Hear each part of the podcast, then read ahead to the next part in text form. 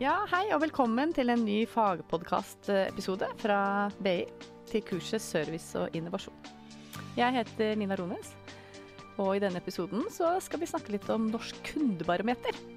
Og så har jeg vært så heldig å få med meg leder for Norsk kundebarometer ved BI, Pål Silseth. Hei Pål, velkommen.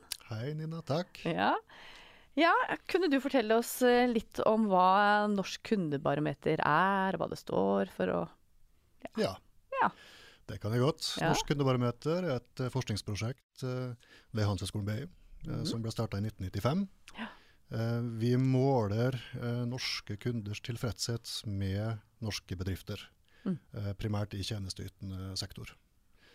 Eh, litt om hensikten bak det er at eh, dette skal være et mål på prestasjon Mhm. i forhold til hvor god norske bedrifter i tjenesteytende sektor er. Eh, Vi starta litt sånn herma etter svenskene, som begynte med et barometer i Sverige i, ja, på slutten av, eh, av eh, 80-tallet. Um, og tankesettet bak det, det er å sette fokus på at tilfredshet er et mål på effektivitet, sett fra markedets side. Mm, mm. Så det vi gjør, er å gjennomføre en spørreundersøkelse blant aktive kunder hos de største norske bedriftene. Mm. Så får vi da et prestasjonsmål i form av kundetilfredshet på de. Eh, hvorfor skal tjenestebedrifter være opptatt av kundetilfredshet? Hva tenker du om det? Er dette, er dette viktig? Ja, Ja. veldig viktig. Eh, som sagt, det er et prestasjonsmål. Ja. Eh, kanskje det viktigste målet eh, en bedrift kan styre etter. Mm. Eh, og Årsaken bak det, det er at det er sterke sammenhenger mellom kundetilfredshet og bedriftsverdi.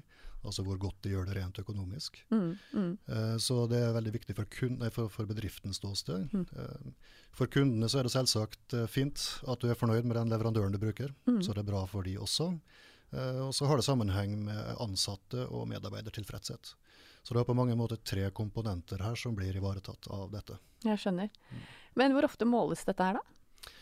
Norsk kundebarometer kommer ut én gang i året, så okay. en sånn årlig undersøkelse. Ja. Eh, Men mange bedrifter kjører jo kontinuerlige målinger, kanskje hyppigere, kvartalsvis f.eks. Mm. Noen gjør det sjeldnere. Mm. Mm. Og årets resultater, hva var det? Det var Volvo som gikk til topps for første ja. gang, Så gøy. eh, foran Vinmonopolet. Altså monopolbedrifter Ja, kan ja. også yte god service. Ja. Eh, og så kom Toyota, en gammel gjenganger i toppen av Norsk kundebarometer, på tredjeplass. Ja. Blant de 168 bedriftene som vi målte. ja. Mm. Flytoget, da? De datt litt ned på lista, men de er fortsatt inne på topp ti. Mm. Så de henger fortsatt inne der, men er inne i en litt sånn nedgående trend faktisk akkurat nå. Hvor viktig er det for Volvo at de kom på førsteplass? Kan de bruke dette her i markedsføringssammenheng, eller? Å ja, eh, det kan de, Ja. og det gjør de. Eh, Men de bruker det også til internmarkedsføring, altså ja. overfor organisasjonsansatte. Mm -hmm. De satser faktisk dette som mål for seks år siden. At de skulle bli best i sin bransje på Norsk kundebarometer i løpet av seks år. Og det klarte de. Det klarte de i fjor, da ble de best i bransjen, og i år så toppa de hele undersøkelsen. Så det viser jo egentlig at hvis du har systematisk målretta jobbing Mm. imot det å være kundeorientert, Mm. eh, så gir det resultater. Og det er det egentlig dette handler om. Altså Kundeorientering er ikke rakettforskning, men det er langsiktig, målretta, systematisk jobbing. Ja, det er helt klart.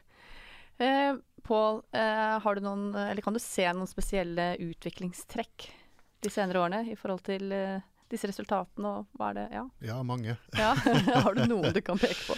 Ja, altså vi er jo inne i en eh, digital eh, tid, Ja. så mange bedrifter kaster jo mye ressurser inn i digital utvikling. Ja. Det vi ser er at du får ikke effekt på kundetilfredshet av digitale løsninger i seg selv. Nei. Det handler mer om hva du fyller de digitale løsningene med. Ja. Eh, Så mange bedrifter tenker nok eh, dessverre at eh, ja, nå har vi en app, så nå er vi home free. Yes. Men det handler mer om hva du faktisk gjør gjennom den appen, for du må skape kundeverdi.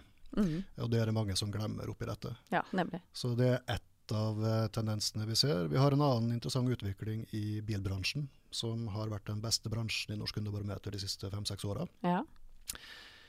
Den har jo blitt elektrifisert, Ja. eh, hele bransjen, og nå ser vi at eh, tilfredsheten ligger fortsatt høyt, men lojaliteten er i spill. Altså Ja, ja. kundene er mindre merkelojale nå enn før, før. og de går mer etter hva slags type drivlinjer du har. Mm. Har du en elbil og du har den på lager, så kjøper jeg din bil, Mm. uansett Mm, liksom, hvilket mm. merke det har. Ja. Så det har skjedd noe der med relasjon uh, i forhold til hva som var før. Ja. Uh, så det, det er en tendens der. Og så har vi en tredje stor eh, sak som er viktig, og det er at tradisjonell detaljvarehandel ser ut til å slite big time. Jaha. Eh, De hadde lave utgangspunkt egentlig på kundetilfredshet fra før, og Mm. de faller fortsatt. Ja. Eh, Og dette henger også sammen med at de ikke evner å yte si, en ekstra nytteverdi til kundene, så de gidder ikke snart å gå i butikken. Da handler de eh, istedenfor på nett. Mhm. Så vi får nok kanskje den samme butikk- og senterdøden her i Norge som vi har sett i USA, hvis de ikke skjerper seg.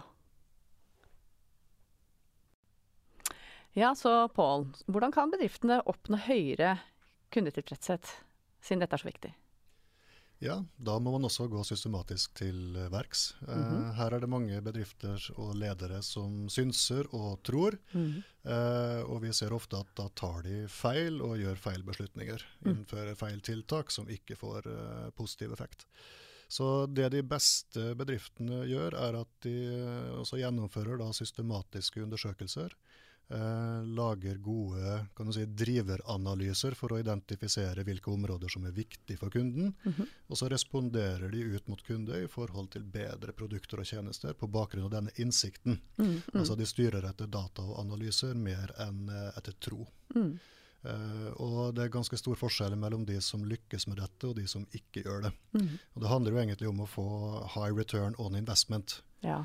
Eh, finn tak i de områdene som gir størst effekt for billigst mulig penger.